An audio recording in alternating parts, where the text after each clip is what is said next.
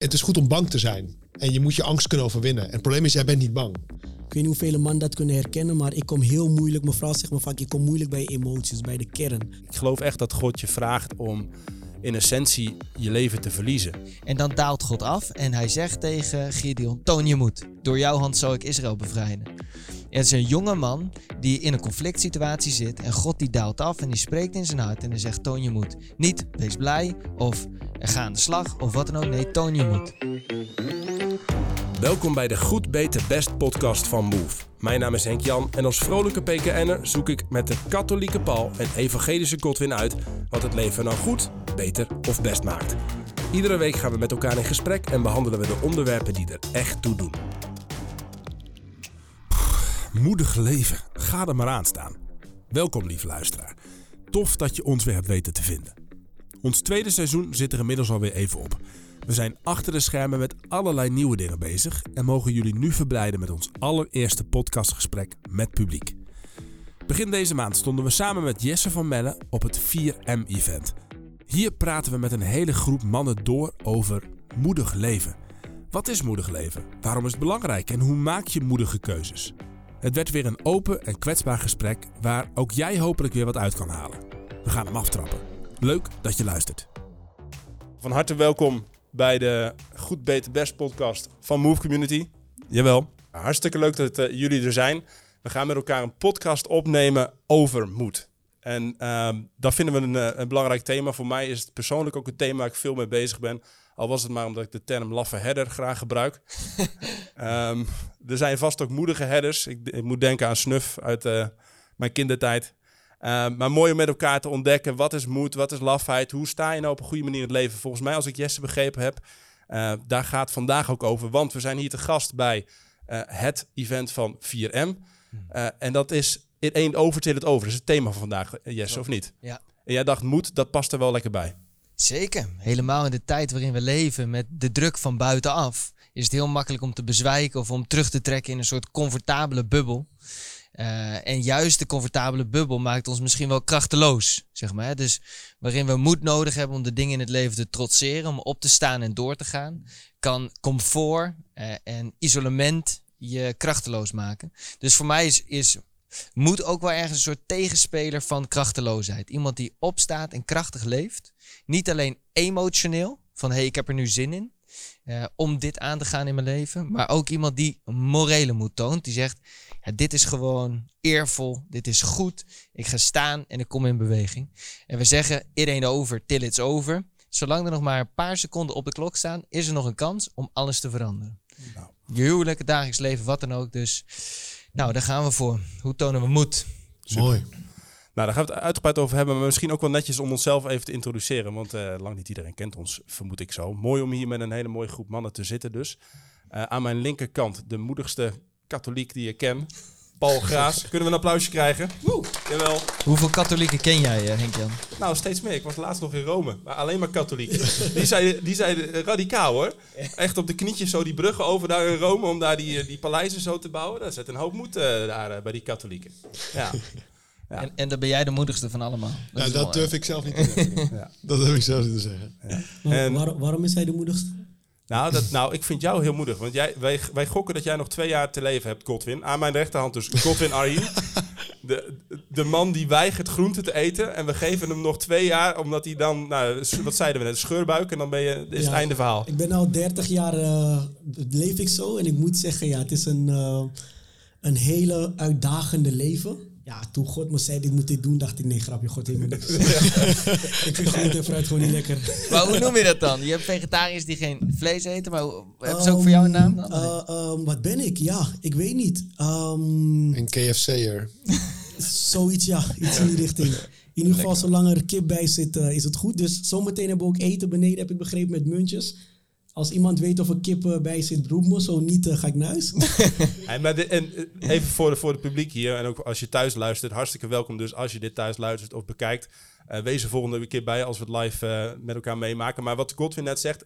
Normaal denk je dat is overdreven. Maar hij haalt dus net gewoon het, het blaadje sla van zijn Burger King burger, oh. zeg maar. Zo erg is, is deze man. Dat is moed, maar nog veel meer moed heb jij getoond, weet ik, door bijvoorbeeld nee te zeggen tegen 30 miljoen eh, eh, dollar, Dollar, ja. Mm. om in Amerika voetbal te kunnen spelen. Dus ehm, dat heb je niet gedaan omdat God een andere roeping op je leven gaf. Eh, een man van moed dus, een man van moed hier. Ik ben zelf eh, nou, de, de protestant van, van ons drieën, dus nou, wij klinken als een mop. Dat proberen we in ieder geval vol te houden. Katholiek, evangelico en een protestant. En sinds Maarten Luther weten we dat echt moedige mensen protestant zijn. en dan, eh, dan hebben we daar nog Jesse van Melle. De man die geen podium vreest, geen hardloopwedstrijd vreest. Ook een moedig man. Hmm. Tenminste, beschouw je jezelf als een beetje als, als een moedig mens? Probeer je het te zijn? Hoe zie je dat? Ehm, het is wel heel intuïtief, dus ik, ik ga gewoon. Dus als je er niet over nadenkt, ja, is het dan moedig? Moedig is ook eh, bang zijn en het toch doen. En ik, ik denk heel vaak niet over na, ik ga gewoon. Kijk. Dus eh, Nou, daar zit misschien al iets in. Gewoon gaan. Maar we gaan het straks uitgebreid met elkaar hebben over wat is moed nou precies? Waarom is moed nou eigenlijk belangrijk? Hoe werkt dat in onze levens? Hoe zien we dat terug in de Bijbel, in ons geloof? En we hopen dat we daarmee dus iets ontdekken. Daar gaat goed beter best over. Zodat we beter leren leven, goed leren leven. En volgens ons is moed ehm, daar een heel belangrijk element in. Eh, maar misschien mooi om even te beginnen met een klein rondje. Wat is nou het moedigst wat je laatst voor het laatst gedaan hebt? En dan gaat Jesse zo meteen eh, ook nog even de zaal in. Dus, dus als je nou zelf een gedachte hebt over iets moedigs wat je recent gedaan hebt, of überhaupt in je leven gedaan hebt, nou, mooi als je het wilt delen. Of als je zegt, nou, ik was toen zo'n laffe herder, dan willen, het ook, willen we het ook wel weten. Ehm, in alle openheid. Eh, Godwin, mag ik bij jou beginnen? Heb, Ja. heb jij iets moedigs nog eh, eh, recentelijk ondernomen? Ja, ik was bij een bevalling van mijn vrouw. Dus Ja. dat ehm, is vijf weken geleden. Ik heb een klein meisje nu van vijf weken. Prachtige dame. Ehm, maar ik, ik hoor wel vaker dat mannen flauw vallen wanneer ze in de bevalkamer zijn. Dus ehm, mevrouw die moest ook een, ze moest een keizersnede kreeg- krijgen. Dus kreeg zo'n blauwe pak aan en ik werd helemaal ingestopt. En toen liep ik en ik dacht, het zou me niet gebeuren dat ik gewoon flauw val. Het zou me niet gebeuren dat ik één van die mannen word die gewoon moet zeggen tijdens jouw geboorte, lieve schat, was ik er niet, want papa was flauw gevallen. Dus ik, eh, ik loop en ze beginnen met, eh, met de operatie. En ze hadden zo een, een blauwe doek voor ons gezet ook. Dus ik kon eigenlijk niet kijken. Had ik een klein stukje zicht, kon ik toch kijken. Had ik het aan de kant geschoven, keek ik zo. Zag ik zo net hoe ze ehm, de buik opensneden. en toen dacht ik, ga ik blijven kijken of ga ik nu aan de kant? Ik dacht, nee, ik ga blijven kijken, want ik ben een man. Ik kan tegen bloed. En ik kijk en ik voel me gewoon draaierig worden. ik dacht, oké, ik, ik heb genoeg gezien. Maar dat was het moedigste wat ik eh, de afgelopen periode heb gedaan. Ja. Maar eh, mooi, mooi verhaal. En, eh, maar serieus, er is moed nodig. Ik ben zelf ook vader geworden twee jaar geleden. Zitten hier vaders in de zaal? Handen omhoog. Strijders. Nou, daar, daar is enige moed voor nodig. Eh, het is vooral ook heel leuk, maar er is ook enige moed voor nodig. Paul, eh, jij nog iets eh, moedigs ondernomen? Nou, er komen twee dingen bij me op. Eentje meer naar, eh, naar mezelf en meer naar iemand anders. De ene is gewoon, ik moest een, eh, een confronterend gesprek met iemand voeren. Ehm, ik moest die persoon gewoon echt even confronteren met een aantal dingen die die persoon, ja, gewoon meer uit de liefdevolle plicht. Eh, en vanuit pastorale hulp. Gewoon even iets zeggen wat niet leuk voor hem was. Maar wel om te confronteren, om hem echt te helpen. En dat je in gebed gewoon ziet van ja, in geweten, ik, moet ik moet dit doen. Natuurlijk, die persoon is vrij om er wel eens mee te doen. Maar als ik het niet doe, dan ben ik een lafaard. Dus Oh ja. ik ervoer wel Want je- duidelijk. precies, want je had het gevoel van, hey, dit, ik moet wel een drempel over. Moed gaat denk ik ook Ja. altijd over een Absoluut. drempel overgaan. Ja. Maar het is nodig, dus doe ik het. Het, was, het was nodig. Ja, en, en vooral dat idee van ja, in geweten, ik ervaar dat God me zegt, Paul, eh, zeg dit tegen die persoon. En eh, als ik het niet zou doen, dan zou het veel meer zijn vanuit een soort valse, eh, valse voorzichtigheid, weet je wel. De andere, dat is, eh, nou, dat is, dat is ik ga regelmatig naar het sacrament van de biecht als goede katholiek. Nou, en ik heb de afgelopen tijd heb ik wel een paar keer gehad dat ik me kapot schaamde voor bepaalde dingen die ik vertelde. Ja. En vooral, want ik biecht vaak bij dezelfde biechtvader, dezelfde priester. En ik geloof dat God het is die me vergeeft, niet die priester. Maar je vertelt het wel aan een persoon. En die persoon kent je, in dit geval. Kent me goed. Dus meer van, ja, wat gaat hij weer denken, weet je wel? ja. van, eh, van dat idee. Eh, ja, en daar heb ik wel moed voor nodig. Veel nederigheid ook. Eh, Maar wat, wat maakt dat je dan wel steeds weer naar die biecht gaat? Omdat ik echt 100% ervaar gewoon de genade en de vrede van Christus en de vergeving. Ja, absoluut. Dus het is voor mij, ik ga er bevrijd van weg. Ja, echt van God heeft je vergeven, absoluut. Ja, dus het cadeau van moedig zijn eh, is, is een gevoel van vrijheid. Zeg maar, in, in het geval van de biecht. Nou, in het geval van de biecht is het echt de, de, het ervaren van dat God heeft mijn ziel nu echt schoongemaakt met zijn genade. Van de, de zondigheid en de, kort, de kortkomingen die, die ik heb begaan. Dus het is echt voor mij een teruggaan naar, als een verloren zoon naar de vader toe. Zo een omhelzing met God de Vader. Ik vind het oprecht wel een mooi idee voor volgend jaar, voor het 4M-event. Biechten. Om gewoon ergens een biechthok Nou, ik te ben, ik, ik- we gaan weer een hele andere kant op. Dit doen we al in deze podcast. Ja, nee, dan, dan ik had bedacht voor. Maar dat is helemaal oké. Ja. Want ik, heb, ik heb, eh, ben naar een katholiek charismatisch festival geweest met de Move Community vorig jaar. En Henk Stoorvogel, die was de schuldige. En jou. Oh ja, ik was er ook bij, sorry. En, eh, en, en daar voor het eerst in mijn leven gebiecht. Ja, ik vond het mooi. Ik, het bracht mij dichter bij God. Ja. Maar hoe lang moest je biechten als je voor het eerst in je leven hebt gebiecht? Er staat in een soort boekje Op van een gegeven moment ging die priester dus van zijn stokje. Die zei, Hoofdstuk, dacht, eh, hoofdstuk 4, toen ik acht was. En ik, 2005 tot 2010. Goed, nee, maar terug, terug dus naar, naar de essentie van... Je denkt bij jezelf, misschien heb je het ook wel eens ervaren... Oké, dit ga ik nooit meer doen. Weet je, zo'n idioot ben ik niet. En dan vroeg of laat ben je weer dezelfde idioot die dezelfde fout begaat.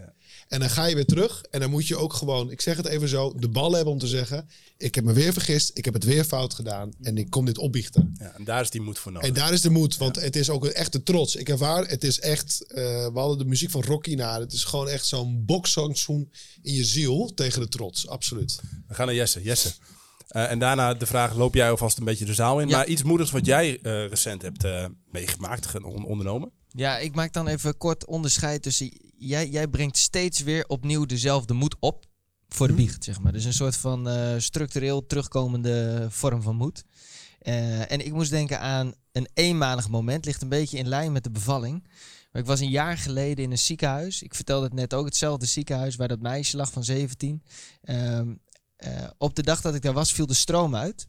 In dit het, dit was in eh, Afrika dit was in Afrika, in een ziekenhuis in Tanzania. En toen viel de stroom uit in het hele ziekenhuis. En, ehm, en, en s ochtends liep ik door de couveusekamer, waar alle kleine babytjes lagen. En doordat de stroom uitviel, eh, raakten ze onderkoeld. De baby's weer, omdat een soort van mini-overtjes uitgingen. En aan het eind van de middag lagen er nog maar vier. zo. En ondertussen werden er allemaal mensen geopereerd in het donker. En op een gegeven moment kwam ik langs een kamer waar een vrouw aan het bevallen was. Maar ze moest een keizersnede krijgen. Eh, maar ja, ga maar eens een vrouw opereren in het pikken donker. Ja. Dus toen werden wij als eh Muzungus, als witmannen naar binnen gehaald met onze telefoons. En toen hebben we bijstaan schijnen met ons telefoon.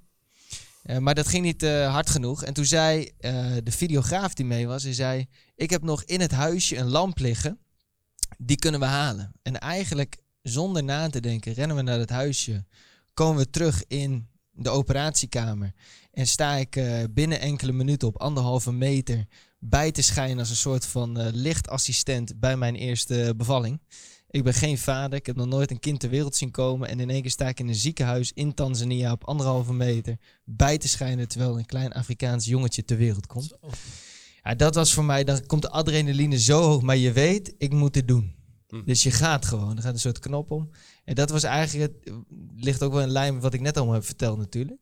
Maar dat, dat, dat kwam direct boven van, eh, je weet gewoon, dit is goed, in gaat. Goh. Ja. Ja. Mooi. Eh, loop jij het publiek in? Want ik ben heel Ja. benieuwd, zijn er verhalen van moed bij jullie? Ik weet dat een van de grootste angsten van de man openbaar spreken is. Dus Jawel. ik ga meteen... Tudununununu. Een soort... Nee hoor, ik kom, eh, ik kom direct even hier. Eh, als ik het jou mag vragen, wat is je naam en wat is moed voor jou? Eh, mijn naam is André. Wat moed voor mij is, is eh, eh, één ding is spreken in openbaar inderdaad. Dat is- maak je heel goed. dan denk je, ja, dat voelde je aan, ja. Ehm, dus ja, dat, dat vind ik wel een ding waar, waar ik wel eens doorheen moet. Ik mocht afgelopen jaar een, bij, bij begeleiden, of ja, begeleiden, bij discipelen mensen. En afgelopen jaar mocht ik dan een van de mensen die we begeleiden trouwen. En dan moest ik dus de trouwdienst mocht ik leiden. Dus dat was eh, ja, best wel een, eh, een dingetje, zeg maar. Maar het was heel mooi om te doen, achteraf. En eh, vooraf in de voorbereiding ook. En tijdens was het even slikken, maar verder... En, en wat maakt dat je dan toch het podium op gaat? het was een heel klein podium. En de, de mensen waren niet... Er waren ook heel weinig mensen. Dus op zich, dat maakte het wel iets makkelijker. Dus, maar ook gewoon... ja, toch moet je soms moet je een stap vooruit zetten. Ja, mooi man. Dat gaat je eigenlijk eh, hartstikke makkelijk af. Zo, is het in een podcast setting dan makkelijker dan eh trouwerij, hè? Ja. Mooi, dankjewel. Nog één iemand? Nog één iemand? Even kijken hoor. Eh, ja, iedereen zit zo weg te kijken. Van, eh, Ja, ja, ja. Ik zie wel een van de meest moedige mannen die ik ken. Dus daar loop ik dan maar even heen. Eh, je mag even je naam zeggen en wat moed voor jou is. Mijn naam is Daniel van der Leer. Eh, voor mij is moed eh, een weg bewandelen waarvan je niet weet waar je uitkomt. ja, dat is mooi. Misschien dan in het kort. eh, ja? Eh, D- Daniel is een van de mannen die in 2015 in beweging kwam toen eh, de vluchtelingenstroom op gang eh, kwam. Ja. En die is sindsdien niet meer gestopt met helpen. En eh, ook het moment dat de oorlog begon eh, tussen Rusland en Oekraïne, is hij een van de mannen in onze generatie, in ons land geweest, die eh, tot de dag van vandaag iedere keer af en aan blijven rijden met medicijnen, noodhulp, weet ik het allemaal. Dus eh, als iemand voor eh, mij een symbool van moed is, Daniel, dan ben jij het. Dus thanks voor al je werk wat je daar ook in doet, man. Applausje. En ook applausje voor onze vriend hier. Nou ben ik hem even kwijt, je naam kwijt. André. En André Hatsa. Nou, hey. Thanks gasten. We, komen straks nog wel even terug, eh, ook de zaal in. Terwijl ik ondertussen nog even kijk of die audio dingen het allemaal nog doet. Ja, mannen en twee dingen tegelijk doen is ook altijd een punt. ik moest voor mezelf nog even nadenken, want ik heb hem nog niet beantwoord de vraag. Ehm, ik hoor veel dingen ook over dingen doen, zeg maar. Hè? En, eh, en, en, en, en bloed en, en kinderen en ziekenhuizen, dat, dat zeg maar. Hè? En, en dat is volgens mij een heel wezenlijk onderdeel van moed. Ehm, en ook inderdaad die weggaan die, die onbekend is ergens, hè? Wat, wat Daniel doet. Eh, kleine angsten overwinnen, eh, eh, wat André doet. Voor mezelf moest ik denken, wat heb ik nou? Ik dacht, ik heb niet iets heel concreets of zo. Ehm, maar een van de vormen van moed is ook een soort emotionele moed. Net als een soort intellectuele moed om op te staan voor waar je in gelooft. Of waar je je gedachten zuiver te houden. Maar ook een soort emotionele moed. En als man heb ik daar nou wel eens moeite mee. Dus als mijn vrouw eh, er doorheen zit. Of ik heb ruzie met mijn compagnon. Of, of iets. ja, dat gebeurt wel eens. Mensen die heel dicht bij je staan, zeg maar. Hè, die, die belangrijk voor je zijn. En dan gaat groeit er wat scheef. Dan kan ik wel de neiging hebben om dat een beetje ja, weg te drukken in mijn leven. En dan niet echt, zeg maar, dat emotioneel te doorleven, die emoties te, om, om, er, om echt in die relatie te zijn, echt in die relatie te blijven. Ruimte te geven aan al die emoties die bij een ander leven, aan die emoties die van mezelf ehm, eh, leven. Dus ik heb wel een aantal keren, nou, dat ik de afgelopen tijd merkte van, hé, hey, ik moet hier gewoon, ik wil hier eigenlijk bij weg, bij deze situatie. Ik heb geen zin in dit drama of deze grote emoties, of ik vind het gezeik, of ik vind dit. En dan toch, en toch zeggen, oké, klep houden, luisteren, er blijven, er zijn. Die emoties eh, omhelzen of zo. Dat vind ik voor mij wel moeilijk. Maar dat, dat, is, dat is een soort stapje van moed wat ik daarvoor nodig heb. Wat, wat ik interessant vind van wat je zegt. Ik, Jesse zei eerder dat je tegenovergesteld vindt je krachteloosheid. Maar ik ben ook benieuwd wat je van vindt om te zeggen dat het tegenovergesteld misschien angst is. Want eigenlijk proef ik dat wel op allerlei soorten manieren. Van de angst bijvoorbeeld om controle kwijt te raken. Je comfortzone uit te komen. Niet het einde van de weg te zien. Uh, of het angst voor conflict. Hè? Ik denk dat conflict mijden ook daar veel te maken heeft. Ik, ik weet niet wat jullie erover denken. Maar... Nou, dat denk ik dat mooi. En ik misschien ook gelijk een vraag aan jou. Want dan gaan we gelijk even... Um, de vraag eigenlijk, wat is moed nou precies? Hè? We hebben er allemaal een soort beeld bij. Maar we proberen hier ook uh, wat te leren met elkaar vaak. Um, Paul, we hadden van tevoren al even over. En jij bent ook een beetje uh, nou, een van de filosofen onder ons. Je vindt dat leuk. Ja. Geef, eens, um, geef eens een soort... Nou, wat is voor jou... Uh, wat is moed eigenlijk? En wat, hoe zie je dat ook terug in de, in de geschiedenis? Ik denk... Ik, Oké, okay, ik ga even een voorbeeld gebruiken. Dus ik had het inderdaad toen... Ik had uh, een, iemand gesteerd, heet Jozef Pieper. Dat is een Duitse, Duitse theoloog. Maar ik ga hem even terugbrengen naar Batman en Dark Knight Rises. Oké? Okay? okay? Want je hebt daar echt een legendarische scène... die het volgens mij goed samenvat. Uh, het is een beetje spoiler. Sorry als je de film nog niet hebt gezien. Maar Batman zit in die hele grote kuil, gevangen. Ik weet niet of je dat kunnen... In het begin van de film. Uh, ja, hij is gevangen en er zit een soort heel grote kuil midden in de woestijn. En de enige manier om eruit te komen is als je een soort gigantische sprong maakt. En dan kan je eruit klimmen. Maar als je faalt, dan pleur je naar beneden en dan ben je geweest. En hij een paar keer met een touw, je mag een touw vastbinden, heeft hij die sprong proberen te wagen. En dat lukt hem niet. Uh, en dan valt hij neer, half gewond, et cetera, want hij heeft een touw en zit in de gevangenis. En dan praat hij met een andere gast. En die andere gast zegt, de reden dat het je niet lukt, het is niet letterlijk, maar ik kan me het wel ongeveer zo herinneren, uh, is, want je, je moet, het is goed om bang te zijn. En je moet je angst kunnen overwinnen. En het probleem is, jij bent niet bang. Hm. Je, moet, je moet de angst moet je ervaren en dan kan je springen. Dus dan besluit uiteindelijk om zonder touw te springen. Van, weet je, je moet de angst echt gewoon durven te overbruggen. En ik vond het heel wijs, want ten diepste, en dat is een beetje in die gedachten van die pieper, denk dat moed heel erg staat voor het accepteren dat je gewond bent. Het accepteren eh, dat, we, dat, we, dat we beperkte wezens zijn. Het accepteren dat er angst is. eh, dat kunnen omhelzen. En vervolgens dat dat niet de innerlijke vrede van je afneemt. Dus het is, het is eigenlijk de werkelijkheid zoals die is. Ook om op een manier in de ogen durven te kijken. En hoe heel mooi jouw... jou eh, ik ben de... de- die, Daniel. Daniel. Heel mooi Daniel. Je ziet het einde van de weg niet. En dat kunnen aanvaarden en door kunnen gaan. Ik denk dat... Ja, ik weet niet. Het is niet een soort rechtlijnige definitie. Maar dat kwam bij mij op. En er zit dus ook iets in van, je zet iets op het spel. Je zet maar. iets op het spel, ja. Ja. Ja, en eh, ik vind een heel duidelijk voorbeeld. eh eh, nou, bijvoorbeeld besluit om een huwelijk aan te gaan. Hè? Hm. Of, nou, ik heb om mijn zestiende besloten om Jezus in een celibatair leven te volgen. Eh, Ja, ik dus, zeg, dus even, want daar ga je heel snel overheen, maar Oh, dat, dat weet niet iedereen. Ja. Jij, jij leeft celibatair, je trouwt niet, je zult geen gezin hebben, je hebt je Nee. leven in die zin aan Jezus gegeven. Ik heb op die manier aan, je, aan leven aan Jezus gegeven. En in het dagelijks leven kom ik tekort in moed. Maar ik denk dat ik op, op dat moment echt wel een moedige keuze heb gemaakt.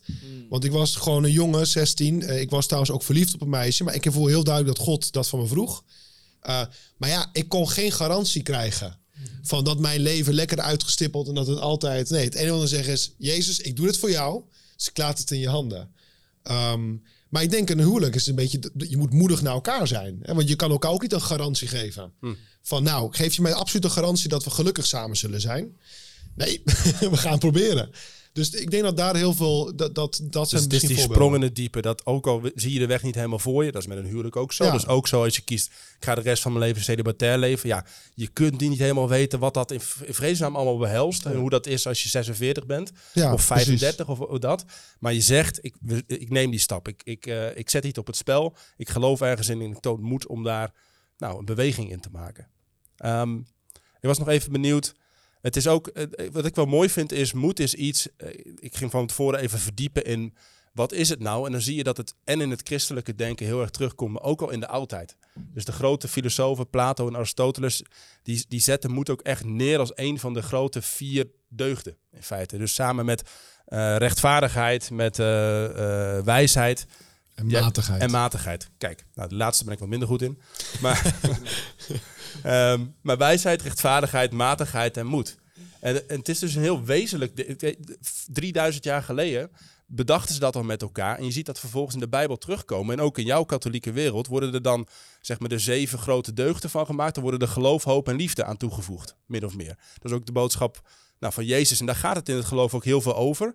Maar soms heb ik een beetje het gevoel dat we ja, die vier, die, die deugden, die, die deugd van moed ook wat vergeten zijn. Dat het een beetje naar de achtergrond is verdwenen. Terwijl het eigenlijk heel wezenlijk is om te omarmen in onze levens.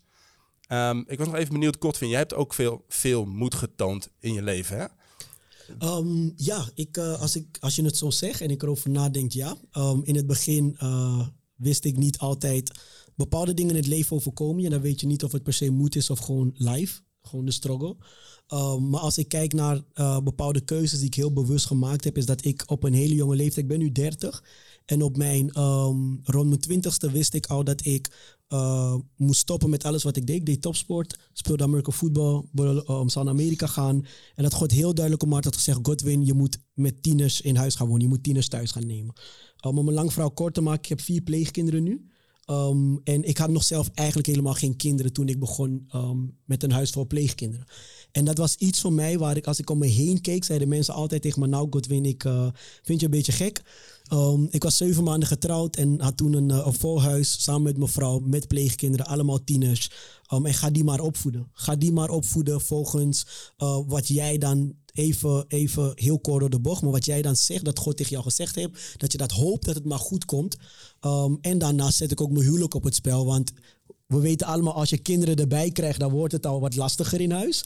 Maar als je ook nog eens vier tieners in huis hebt, die ook niet eens jouw kinderen zijn, die hebben, ook niet, hebben jou ook niet meegemaakt. Ik, ik weet nu, um, bij mijn jongste dan, die leert het een beetje, die is nu negen, de oudste die is 18. Maar um, ik weet als kind, als mijn moeder naar me keek, mijn oma, ik ben door mijn oma opgevoed, en ze gaf me een bepaalde blik, dan wist ik van, ah, is genoeg. ik begrijp het, ik ga niet over die grens. Maar nu loop ik in de winkel en ik geef mijn jongste een blik en hij begrijpt me gewoon niet. dus ik blijf, ik blijf anders kijken, kijken of hij het snapt. begrijp me gewoon helemaal niet. Ik denk, huh? Dus ook daarin merkte ik dat ik simpelweg door zo'n keuze te maken, ook eigenlijk mijn hele leven, wat ik dan zo mooi probeerde te creëren, trouwen, huisje, boompje, beestje, in één keer op het spel zetten. En daarin heb ik een stuk moed mogen ervaren, maar um, juist het, en daar daar kom ik op een stuk waar ik vind van God geeft ons moed, maar niet om dingen te moeten. Met moeten met een T dan. Um, waarom? Want God die daagt ons uit om bepaalde dingen te doen. Maar hij is daarin ook zo um, um, liefdevol dat hij ook wel wacht voordat wij die stap durven te nemen. Dus hij, ik zie het een beetje. Ik was met mijn um, met met jongste, of met alle pleegkinderen gingen we zwemmen. En de jongste die heeft een beetje angst voor eigenlijk alles. Alles wat beweegt en ademt vindt hij eng. Maar we waren, ik was in het water en ik zeg tegen hem: spring maar, ik vang je wel op. En ik dacht, nou, dat is een leuk vader-kind moment. Ik zie het altijd in films. Kinderen rennen, springen in het water. Papa, ze vangen ze op. En ik dacht, dat ga ik dus doen. Ik zeg, dus spring in het water. En hij kijkt me aan en begint gewoon gigantisch hard te huilen. Echt heel Huilen, huilen, huilen. En ik zeg maar, nee, kom maar, ik vang je wel op. Vertrouw me maar, spring maar, spring maar. Ik heb een uur gestaan. En na een uur sprong hij in het water en ik vang hem op. En toen zei ik, oké, nog een keer. En toen bleef een uur later, bleef hij dat maar doen. Maar het was voor mij zo een, een, een, een, een, een bijzonder moment, omdat ik eigenlijk erachter kwam, dat is precies wat God met ons doet. Die, die zit in het water en hij zegt, spring maar, ik wacht op je. Spring maar. Je hoeft niet, maar ik ben er wel als je springt. En wij als een klein bang kind, die, we weten niet, gaat papa me wel vangen? Gaat het wel lukken? En verzamelen zelf moed. En als we dan durven, dan springen we en dan is hij daar ook. En Maar ik vind het goud dat je dus ook... Dat, dat God je de tijd geeft om tot dat punt te komen. En dat jij dat als vader eigenlijk hebt mag een uur lang heb je hem de tijd bij wijze van gegeven. Ja, want ik, ik, ik, het is iets, kijk, als ik kijk naar mijn eigen leven, ehm, ik ben heel anders opgevoed. Op het moment dat mijn oma wat zei en ik ehm, dat wel of niet deed, dan kreeg je een keuze en dat was het en het leven ging door. Maar ik merk hoe meer ik de Bijbel ook lees en hoe meer ik eh, God leer kennen als vader, hoe meer ik ehm, ook moet leren hoe ik als vader moet zijn. Ik heb zelf geen vader gehad toen ik opgroeide. Dus heel veel leer ik ook uit mannen om me heen, maar ook uit God zijn vaderschap. En als God ehm, geen geduld zal hebben met mij als persoon. Ik denk als ik in het Oude Testament zou leven eerlijk, zou ik heel vaak door bliksem zijn geslagen. Gewoon elk moment bzzt, dood. ik, ik denk het ook. Ik denk het ook. Nou, en wie weet gebeurt nog steeds. Goed. Ehm, heel even, want ik, dit, dit, dit zijn prachtige verhalen. Ik denk dat er heel veel lessen in zitten. Hè? Dus, dus God geeft je de tijd. Je mag Ja. springen, zeg maar. Hè? Die, eh, eh, en, en je moet ook een beetje zonder, zonder vangnet of zonder touw durven springen. Anders is het ook niet echt springen. Hè? De Batman-verhaal. Ehm, eh, durven je angsten te omhelzen, niet wegkijken. Eh, de, de moed zoeken om te, om, te vinden, om te luisteren. Wat Abraham ook doet, die gaat op pad, al dat soort dingen. Ik was nog wel even benieuwd van, hey, dit zijn dan mooie verhalen en we beleven dit oprecht op deze manier. Ehm, het kan ook snel een beetje, ehm, ja, eh, nou, eh, alleen maar een soort positief verhaal worden. Terwijl ik bij mezelf ook merk dat ik zelf echt moet, moet tekort kom soms. Dat ik mezelf laf vind. Jij, jij noemt het uh, toch straks ook al even. Ehm, nou, niet om gelijk bij jou te beginnen, Jesse. Maar is er iets waarvan je zelf denkt van... Ja, in alle eerlijkheid, eh, eh, daar ben ik misschien nog een laffe herder in. En dat wil ik eigenlijk gebruiken om met elkaar daarna na te denken over... Hoe vind je nou meer moed? Hoe ontstaat dat nou eh, in feite? Heb, heb jij iets waarvan je denkt, nou, hier mag ik nog in groeien? Ja, heel veel dingen. Ehm, het eerste waaraan ik denk is gewoon een stuk wilskracht. Hm. Eh, dus dat ligt misschien ook wel dicht, dichtbij moet. Maar afgelopen maanden ben ik heel veel bezig geweest met ook het aanmeten van ja, gezonde routines in mijn eigen leven. Ik ga je helpen met je groenten, komt echt goed een keertje. Uiteindelijk at ik nooit fruit, maar ik ben daar ook bij geholpen. En nu eet ik fruit. Zo. Dus eh, nee, maar ik, ik baalde gewoon iedere keer van mezelf dat ik, dat ik op een punt kwam waarin ik mezelf ook ging verwaarlozen. Ik ben heel van het reizen, ook naar die plekken van onrecht, veel bezig met mensenhandel en armoede en al die dingen. En ik ging zo hard voor de ander dat ik mezelf vergat. Eh, en, en dat ik Wat, wat bedoel je met jezelf vergeten in dit opzicht? nou, dus eh, op een gegeven moment stoppen met slapen, stoppen met eh, eh, eten, niet meer sporten, je sociale kring verwaarlozen, belangrijke relaties niet meer echt zien. Dus je, je bent volledig naar buiten gericht en je, je verliest de verbinding met jezelf. En uiteindelijk ook met de mensen die het dichtst bij je staan. En er was wel een moment, ook in, in Israël, was ik op reis met een groep ondernemers. En toen moest ik op een gegeven moment ook vertellen van, hey, waar wil je aan werken? En ik, ik, begon gewoon te huilen. Dat ik dacht, mijn zus had een herseninfarct gehad. En een gaatje in de hart. En ik was zo bezig met de hele wereld helpen. En dat ik me in één keer realiseerde van ik vergeet gewoon eh, mijn eigen zus. En dat het, dat het vaak heel moedig lijkt vanaf de buitenkant. Oh Jesse die gaat op reis en die helpt kwetsbare mensen, noem maar op. Maar ik zou wel meer moed willen ontwikkelen om er niet op uit te gaan. En om dichter bij huis te blijven. Om ook te kiezen voor de normale dingen van het leven. Dus dat is misschien voor mij nog wel meer uit mijn comfortzone, zeg maar. Wow. Dus dat is, Mooi. dat is iets waar, eh, Ja, waar ik mezelf prachtig. soms een laffe header in vind. Ja. Is dat ik eh, makkelijker buiten mijn eigen straat en mijn eigen familie ga. Dan eh, bij mijn eigen straat en mijn eigen Ja, familie. er zit gelijk Oh, iets heel heel... Thanks van, ook voor de eerlijkheid. Maar er zit iets heel wezenlijks in dat... Wat voor de een heel moedig kan lijken. En ook wel moet vraagt, ik bedoel dat. Maar ehm, ja, de- de- kan, kan, eh, kan voor, voor een ander misschien best wel nou, ja, een soort van comfortzone zijn. Op een bepaalde manier. Of in ieder geval iets zijn wat heel erg bij je past. Terwijl je misschien op iets Ja. anders echt nog moed moet tonen. Hoe is dat voor jou, Paul? Zijn er- Nou, het eerste wat bij me opkomt ehm, is een, een deugd dat, een, dat wordt beschouwd als een broertje van de, moed. En dat is het geduld. En, en eh, geduld vooral in de zin van, ik kan gewoon heel impulsief zijn. Eh, en ik merk bijvoorbeeld dat ik het heel lastig vind om met verveling om te gaan. Het heeft ook een beetje, ik moest denken aan wat je zei. Ehm, want bijvoorbeeld als er iets meer een grijze routine in mijn dag komt. ehm, ja, dan, dan, dan merk ik dat ik snel, ja, misschien in dit opzicht de moed verlies. Hè? En dat ik makkelijk, ja, weet je, dan zit ik te werken en dan ga ik toch even gewoon mijn telefoon, dan ga ik een beetje kloot op YouTube. Of eh, da- dan word ik toch makkelijker zagrijnig naar anderen toe. En ik merk dat het een, een gebrek aan geduld is. Van Paul, het is niet erg. Hè? Het is niet erg dat je je gewoon even rot voelt. Het is niet erg dat je, eh, dat je, ja, En zit het dan, want ik herken dat wel, hè? Dat je, dat je ja, ik, ik noemde dat vroeger zombie-dagen. Dat ik gewoon zo in een soort, soort van grijze poel wegzakte en alleen nog maar Netflix zat te kijken, dat gevoel. ja. En daar kan ik nog steeds een klein beetje in terugzakken soms. En dan heeft het, heb je gewoon niet meer zoveel zin in, in het leven. Doe je alleen maar wat makkelijk is. Er zit ergens iets van, en dat heeft ook weer met gezonde patronen ontwikkelen.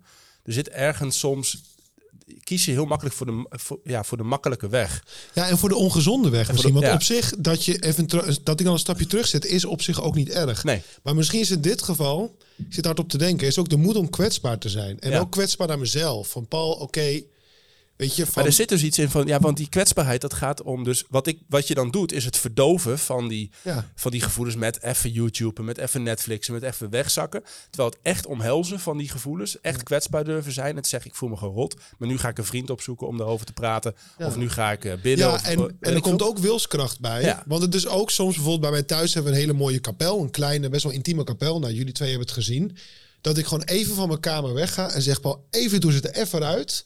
Ga even naar de kapel, ga even zitten. Vertel dit aan Jezus. Ja. Wees geduldig, vertel het aan hem. Maar ga niet meteen eh, in een soort zelfmedelijden of YouTube. Of, het gaat niet eens om het voorbeeld. Ik bedoel, misschien is het goed om even YouTube te kijken. Daar gaat het er niet om. Hè? Maar het gaat erom niet te laten meeslepen door, door, door dat gevoel. Ja, ik weet niet. Dat, dat is wat bij me opkomt. Mooi.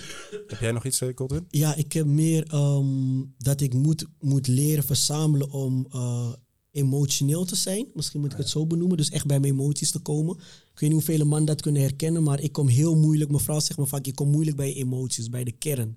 Dus als er iets gebeurt thuis, ga ik altijd oplossingen zoeken. Oh, dat is gebeurd, dat is de oplossing. Dat is de oplossing. En dan vraagt mevrouw me soms, ja, maar hoe voel je je erbij? Ik denk, oh, zus, hoe voel ik me erbij? Niemand heeft tijd om daar, daar Zeg, stil zeg bij je, te staan. zeg je wel eens zus tegen je Ja. vrouw?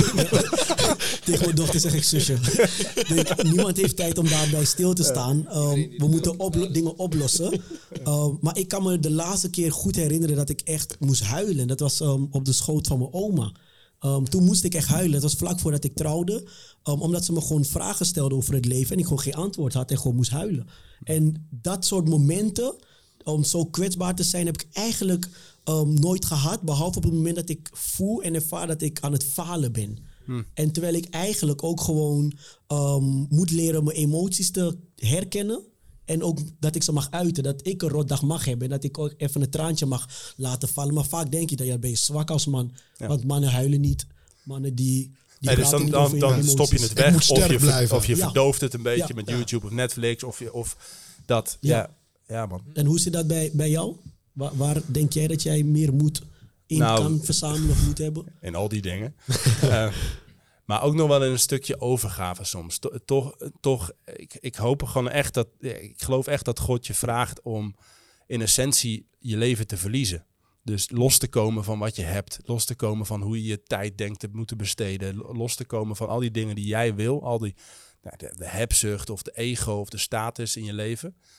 En um, om echt God te vertrouwen, de moed, de moed te, te vinden daarvoor. Om echt te accepteren dat alles, alles kan wat mee, zeg maar. Alles mag, mag, mag komen wat er komt. Uh, goed of slecht, zeg maar. En daarin God te vertrouwen in je leven over te geven. In, in je geld, in, in, hoeveel, in hoe je dingen uh, doet. In of je risico's neemt. In of je vertrouwt dat God voorziet als het gaat om move of living image of mijn gezin. Ja, dat, daar heb ik nog wel. Uh, ik probeer dan toch vaak nog weer controle te houden. En dan moet ik elke keer weer terug naar de basis en denken: nee, moedig voorwaarts. Uh, je weet niet waar het schip strandt, maar je, je doet wat je, wat je probeert te luisteren naar God. En, en dan, dan zijn de gevolgen. Um, die moeten secundair zijn. Daar moet, daar moet het niet over gaan, zeg maar. Je moet gewoon doen wat in principe goed is. Ja. Kijk, en waar ik ook wel aan moet denken is dat uh, we heel vaak wachten totdat God spreekt of totdat we iets voelen en dan pas gaan we handelen. Ja. En dat ik denk, we hebben gewoon Jezaja 58 in onze Bijbel staan, weet je wel, waarin het recht moet stromen. En, en dan zal ook gerechtigheid jouw voorhoede vormen. En dan zal het licht doorbreken. Al die dingen opkomen voor de weduwe en de wezen. Soms hebben we al hele concrete opdrachten van God gekregen, maar wachten we totdat hij spreekt of dat we het voelen. Terwijl het is ook tijd om gewoon te gaan. Ja. He, dus als ik lees, een van de triggers op moed is voor mij het leven van een Gideon. Ja, dus die wordt belaagd door alle woestijnvolken. En hij zegt: God, uh, waar bent u? Als u werkelijk bestaat, waarom gebeuren al deze vreselijke dingen? En dan daalt God af en hij zegt tegen Gideon: Toon je moed. Door jouw hand zal ik Israël bevrijden. En het is een jonge man die in een conflict situatie zit. En God die daalt af en die spreekt in zijn hart. En hij zegt: Toon je moed. Niet wees blij of ga aan de slag of wat dan ook. Nee, toon je moed. Door jouw hand zal ik Israël bevrijden. Er, hij staat aan de vooravond van een van de grootste gevechten van de geschiedenis van Israël. En het enige wat hij moet doen is het tonen van zijn moed. En hoe vertaal je dat naar zeg maar vandaag de dag? Wat ik kan me voorstellen ja. als ik dit hoor. Als ik tegen God zeg, God waar bent u? Dan hoor ik niet een hele zwaar... Ik denk dat God zo praat trouwens. Hey Godwin, hier ben ik. Ik hoor dat niet... De tijd staat niet stil. Nee. God heeft niet die één op één momenten met mij... zoals hij dat met Guido misschien had. Maar hoe kan ik wel voor de situatie vandaag de dag staan dezelfde vraag aan God stellen en nog steeds dezelfde moed als Gideon hebben. Ja, dus wat er gebeurt bij Gideon is dat hij direct in de weerstand gaat. Dat hij zegt, ja, ik zit bij de, de bij de stam Manasse, ik ben de jongste van de familie, ik heb helemaal niks in te brengen. Dus zodra God een beroep doet op ons moed, hebben we de neiging om te zeggen van zoek maar een ander. Mm. En dat God zegt, ik, ik zal bij je zijn, daarom zul je het kunnen. Ik denk dat we allemaal vormen van strijd hebben in ons leven. Waarvan zeggen, God, uh, doe er eens wat aan, zeg maar. Uh, en dat God altijd dezelfde is. Dus zoals hij tegen Gideon zei in een moeilijke periode, toon je moed. Zo zegt hij dat tegen Godwin, tegen Paul, tegen Henk Jan, tegen mij, tegen Daniel, tegen iedereen. Op het moment dat je in een moeilijke situatie zit, ga niet als de rest van het volk de grafspelonken in en je verstoppertje spelen. Maar kom tevoorschijn en toon je moed. Ja. In het vertrouwen dat God de overwinning zal geven in welke strijd je ook hebt, of dat in je huwelijk is. En ik wil niet zeggen dat je huwelijk altijd positief eindigt op het moment dat je in een conflict zit. Ik ben er zelf ook natuurlijk een levend getuigenis van. Maar uiteindelijk kom je door al die moeilijke dingen van het leven heen als je je moet blijven tonen, want God zal je terzijde staan. Ja. Dus je moet wel handelen. Je, het is niet uh, in een hoekje zitten weg. Er zit ook iets van, het is een mooi voorbeeld van Gideon. Ik ben zo wel benieuwd of er nog in de zaal of bij jullie ook andere voorbeelden zijn van hoe de Bijbel hierover spreekt, hoe Gods geest daar ook in, in zichtbaar wordt. Maar ik moest hier nog even over nadenken. Ik word direct fanatiek ervan, merk ik. Ja, nee, maar mooi. Maar er zit iets heel erg, in het, ook in het verhaal van Gideon, zit heel erg iets van er zijn, er blijven, mm. zeg maar. En dat zit ook in het thema van vandaag. Dat zit in het naam van God, zit dat mm. al verscholen. En als je dan ziet wat... Um, Kijk, moed is, is je, je kunt ook steun vinden. Hè? Dat is belangrijk. En dat gebeurt in het verhaal van Gideon ook. Er komt er steun. Er komen er heel veel mensen die met Gideon, wel. Ja, met die Gideon sociale betrokkenheid waar Henk het over had. Ja, precies. En, en, en um, je hoeft het dus ook niet alleen te doen. Ik denk dat je hoeft, we hoeven niet een soort van alleen maar de Batman-achtige vibe te hebben. Nee, met elkaar. Maar God gaat dan vervolgens met Gideon wel een soort van uittesten. Welke van die mannen die nu gaan vechten tegen die, uh, wat was het, Edomieten, Filistijnen, geen idee, wat was het ook alweer? Amalekieten, Amalekieten, die, die, die types. Die, dan, dan, heb je, dan heb je de, een soort afvalrace. Hè? En uiteindelijk blijven er dan 300 maar over. Hmm. Die, die als een soort van hondjes dat water zitten te drinken. Daar zit iets van, van, ja, van, van geestkracht, van drive, van all in. Van er Hmm. zijn, er, erin blijven. En, en eh, het hoeft niet netjes. We, we, we zijn er gewoon en we zien wel wat de gevolgen zijn. En ergens zat er bij al die andere types een soort van ja maar. Iedereen Anders bang. ben ik weg. Dat was de Precies. oproep. Als je bang bent, dan Ja. mag je naar huis. Ja. Ja. Alleen ze gaven gehoor aan hun angst. Ze zeiden, we stoppen ermee. Maar je ziet later in het verhaal bij Gideon dat God tegen hem zegt... als je bang bent, mag je alvast naar de voorposten van de vijand gaan... om te horen wat de vijand over jou weet. Hm. En hij gaat. Dus blijkbaar was Gideon ook bang. Ja. Maar moed is niet dat je niet bang bent. Nee. Precies. Is ondanks je angst toch gaan. Ja. En dat is volgens mij de hele definitie van, van moed. Is ja, ik ben bang, maar ik ga voor het goede. Ja. In het vertrouwen dat God de overwinning zal geven op alle uitdagingen die ik heb in mijn dagelijks leven. En dat de uitkomst niet is zoals ik het graag zou willen, maar ik vertrouw erop dat het goed komt. En dat vind ik ook mooi, want je hebt net een heel belangrijk woord gebruikt. Als we denken aan moed, dan denken we natuurlijk ook aan kracht. En je zou kunnen eens denken aan een soort van geestelijke spierkracht, weet je wel. Je bent net zoals je sterk bent lichamelijk. En ik geloof wel dat je moed kan ontwikkelen. Ik ook, absoluut. Dus 100%. Maar het mooie denk ik ook is dat de, mid, de, de moed, sorry, zeker in een christelijk bijbels perspectief, daar heb je het sleutelwoord vertrouwen ook voor nodig. En met vertrouwen, dan kunnen de, de, spieren ook echt gewoon gaan werken. Dus wat je ziet bij Gideon, wat je ziet ook bij Abraham, eh, hè, daar heb je ook wel moed voor nodig, denk ik, als je je zoon opeens gaat opofferen. Wa- Wat je ziet in, in heel veel verhalen, in de handelingen van de apostelen, hè, in Paulus, eh, is dat moed, die kracht, die ontstaat ook eh, door vertrouwen. En dat geeft echt heel veel kracht. Ja, en er zit dan een, nog een, een soort laatste vraag voor hier aan tafel. En daarna ook wel benieuwd of er wat vragen of reacties bij jullie nog zijn. En moeten we ook een beetje gaan afronden. Anders dan krijgen we Henk, eh, die is, die is hier over een, eh, over een half uurtje volgens mij, krijgen we die op ons dak. Ehm, maar ik was nog even benieuwd. Het klinkt ook wel de hele tijd als we hierover spreken als iets wat toch een beetje soort van in onszelf moet groeien. En dan vinden wij de moed om onze angsten zeg maar te, te, te overwinnen. In hoeverre ehm, heb je daar, dat je zou kunnen zeggen, dat kan iedereen zeggen. Dus eh, daar hoef je geen christen voor te zijn, in feite. Wat is, en er zijn allerlei prachtige verhalen in de Bijbel, maar wat is de rol van Gods geest? Wat is de rol van God in onze levens als het gaat om, om moed verzamelen, om moed vinden? Ja, ik, ik denk dat dat, ehm, nou, de rol, eigenlijk heeft hij de hoofdrol. Dat is eigenlijk zonder Gods geest, denk ik, dat ik geen eh, moedige stappen durf te maken. Omdat ehm, de Bijbel zegt ook dat in Hebreeën 11, vers 1 legt het uit wat geloof is. En een van de belangrijke dingen wat ik vind, wat het zegt, is dat geloof is dat onze hoop werkelijkheid wordt. En dat mijn hoop werkelijkheid wordt, wil zeggen, als ik op iets hoop, dan moet ik alle vertrouwen erin hebben dat God dat wat ik hoop dat het dat echt zou gebeuren, dat ook zou gaan gebeuren. En dan als ik kijk naar ehm, de, alle Bijbelse verhalen, zie je dat altijd. Dat er was altijd een, een sprankje hoop. Dus ik denk ook als je door iets heen gaat en moed nodig hebt, dan begin met hoop. Hopen dat het wel goed komt, hopen dat het goed gaat. En dat wil niet zeggen dat het de uitkomst altijd zal zijn zoals je wilt.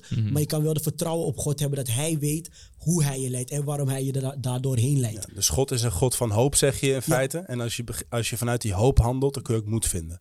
Andere gedachten hierover? Ja, ik denk ook wel vaak het plaatje. Dus dat God die zegt tegen Gideon, door jouw hand zal ik Israël bevrijden. Dus er is al een perspectief in de toekomst Ja. op de vrijheid voor de mensen. Dus ik denk wel dat als ik in mijn hoofd, bijvoorbeeld een marathonrenner weer in Tanzania of Ghana of wat dan ook, heb ik altijd machtig veel hekel aan. Snap ik? Maar als ik alvast inbeeld dat ik het ga halen, zeg maar. eh, en ik denk ook, tuurlijk ga ik nadenken, wat is daarvoor nodig? Ik moet trainen, al die dingen. Maar als ik alvast, als ik alvast vooruit kijk dat het gaat lukken, zeg maar. Dan is de kans ook veel groter dat ik ga slagen. En misschien ook kleinere stappen nemen soms dan in één keer een hele marathon. Want hoe eet je een olifant? Ehm, hem plakjes, in plakjes. maar ik, Godwin, ik heb wel één, puntje waar ik het... Het is niet per se dat ik het niet met je eens ben. Ehm, Oh, maar zo klinkt het wel. Nou, ik ga iets zeggen wat misschien wel of misschien niet, weet ik niet. Maar ik geloof, laat zeggen, de, de, de, de moed is niet alleen een zogenoemde goddelijke deugd. Het is ook een deugd, eigenlijk wat jij ook zei, je kan hem ontwikkelen. Ja. Eh, dus nou, het feit al dat oude Grieken van 500 jaar voor Christus mee kwamen dat dit een heel belangrijke deugd is, eh, toont dat ook wel aan. En natuurlijk, uiteindelijk kan je ook zeggen, we worden in alles gedragen door God. Dan zeg ik, nou, fair enough. Uh, maar behalve dat er echt een verbinding zit met de genade, het is ook iets wat je met een bepaalde discipline en wilskracht Ja. en met hoop, want hoop is, kan ook menselijk zijn. Je kan ook hoop op elkaar hebben, hoop op je onderneming uh, of hoop op weet ik van wat gebeuren. Dus ik, ik denk ook gewoon dat ja, het niet alleen. Ja, dus er zit gewoon een hele uh, menselijke bedoel, gods, ja. gods wijsheid, deugden zijn voor iedereen, zeg maar, om in je leven te kunnen vinden Ja. en te cultiveren. Daar zitten een aantal dingen in als identificeer je angsten nou eens. Groei nou eens dingen. Zoek, nou, vo- eh, zoek, zoek steun. eh, klein, eh, snij die olifanten plakjes op. Al, de, al dat soort eh, zeg maar logische stappen die helpen je om moed te ontwikkelen in je leven. Zeker als je dat koppelt aan rechtvaardigheid, aan hoop, aan wijsheid, aan matigheid. En met elkaar vind je dan hoop. Of vind je dan meer moed in je leven. Mijn vraag is nog wel even een beetje. ehm, het, er zit ultiem ook wel iets in, in zeg maar Romeinen. Dus de, de, de, de tra- transformation, het, ver- het veranderen van je geest. En de manier waarop de geest onze geesten verandert in feite.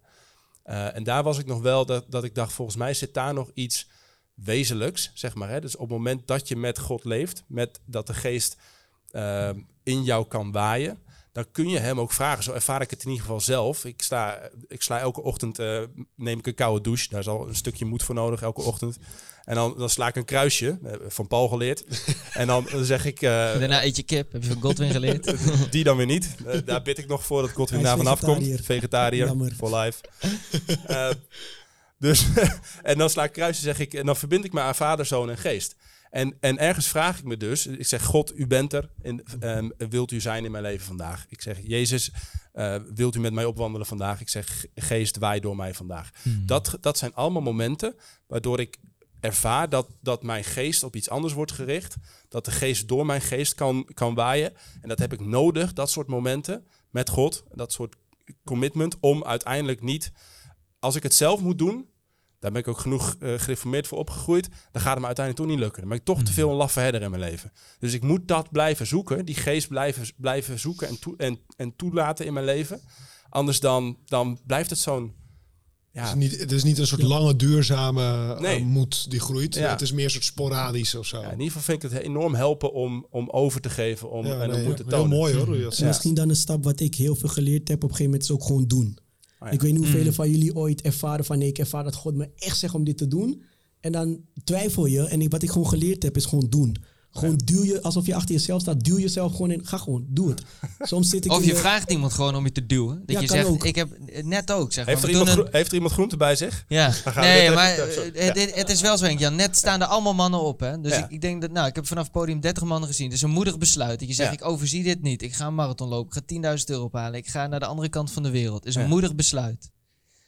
Maar ik durf met zekerheid te zeggen dat er heel veel uiteindelijk geen stand gaan houden en zich niet gaan aanmelden vandaag.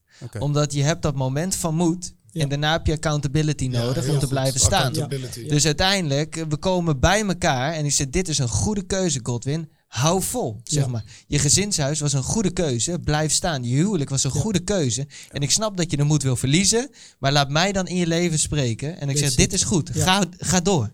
En ik denk dat we elkaar moed in kunnen praten, Ja. waardoor het moed groter wordt in het leven van onze broer of vriend of wat Ja, ik vind, ik vind echt grandioos wat je zegt. En vooral ook tegenwoordig in een tijd van heel veel individualisme. Ik heb het heel vaak gehoord, bijvoorbeeld in mijn studententijd.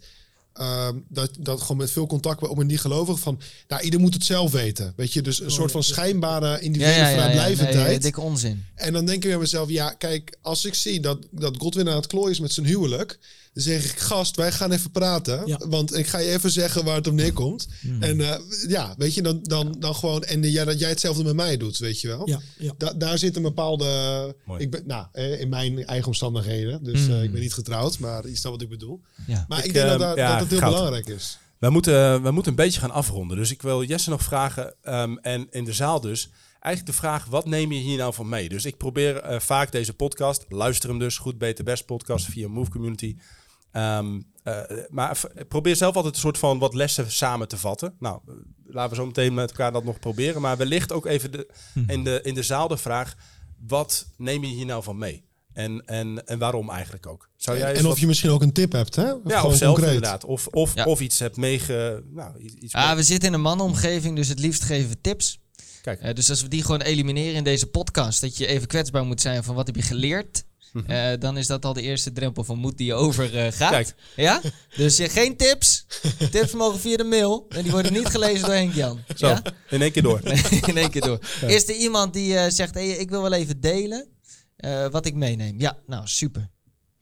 ik kom jouw kant op. Wat is je naam en wat heb je geleerd? Eh, nou, mijn naam is eh, Peter.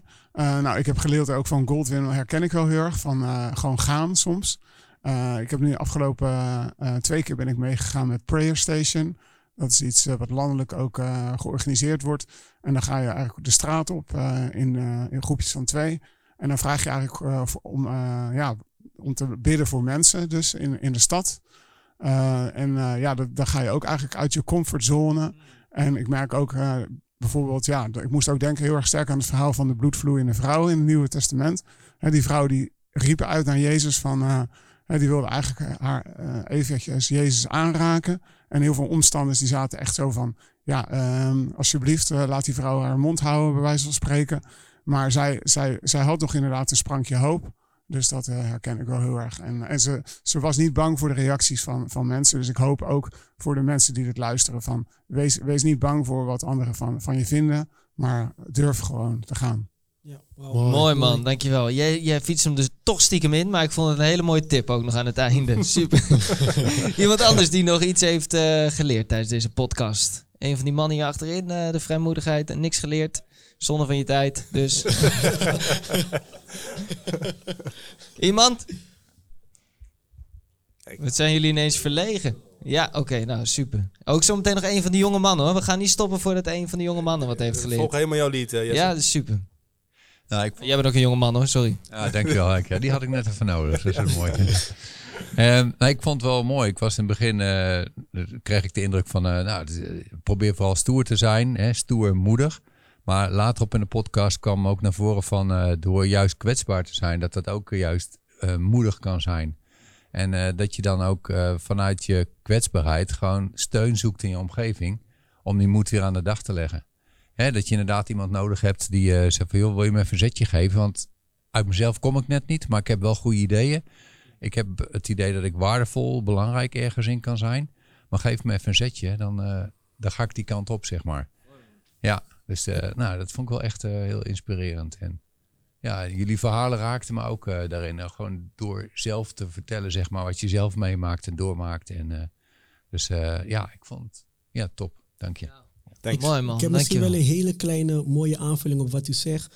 Een, een hele goede um, um, mentor van mij, die heet Philemon. Die heeft me een hele wijze les geleerd. Hij zei, wat ik had moeite met ook gewoon normale gesprekken met mijn vrouw te voeren en diepgaande gesprekken.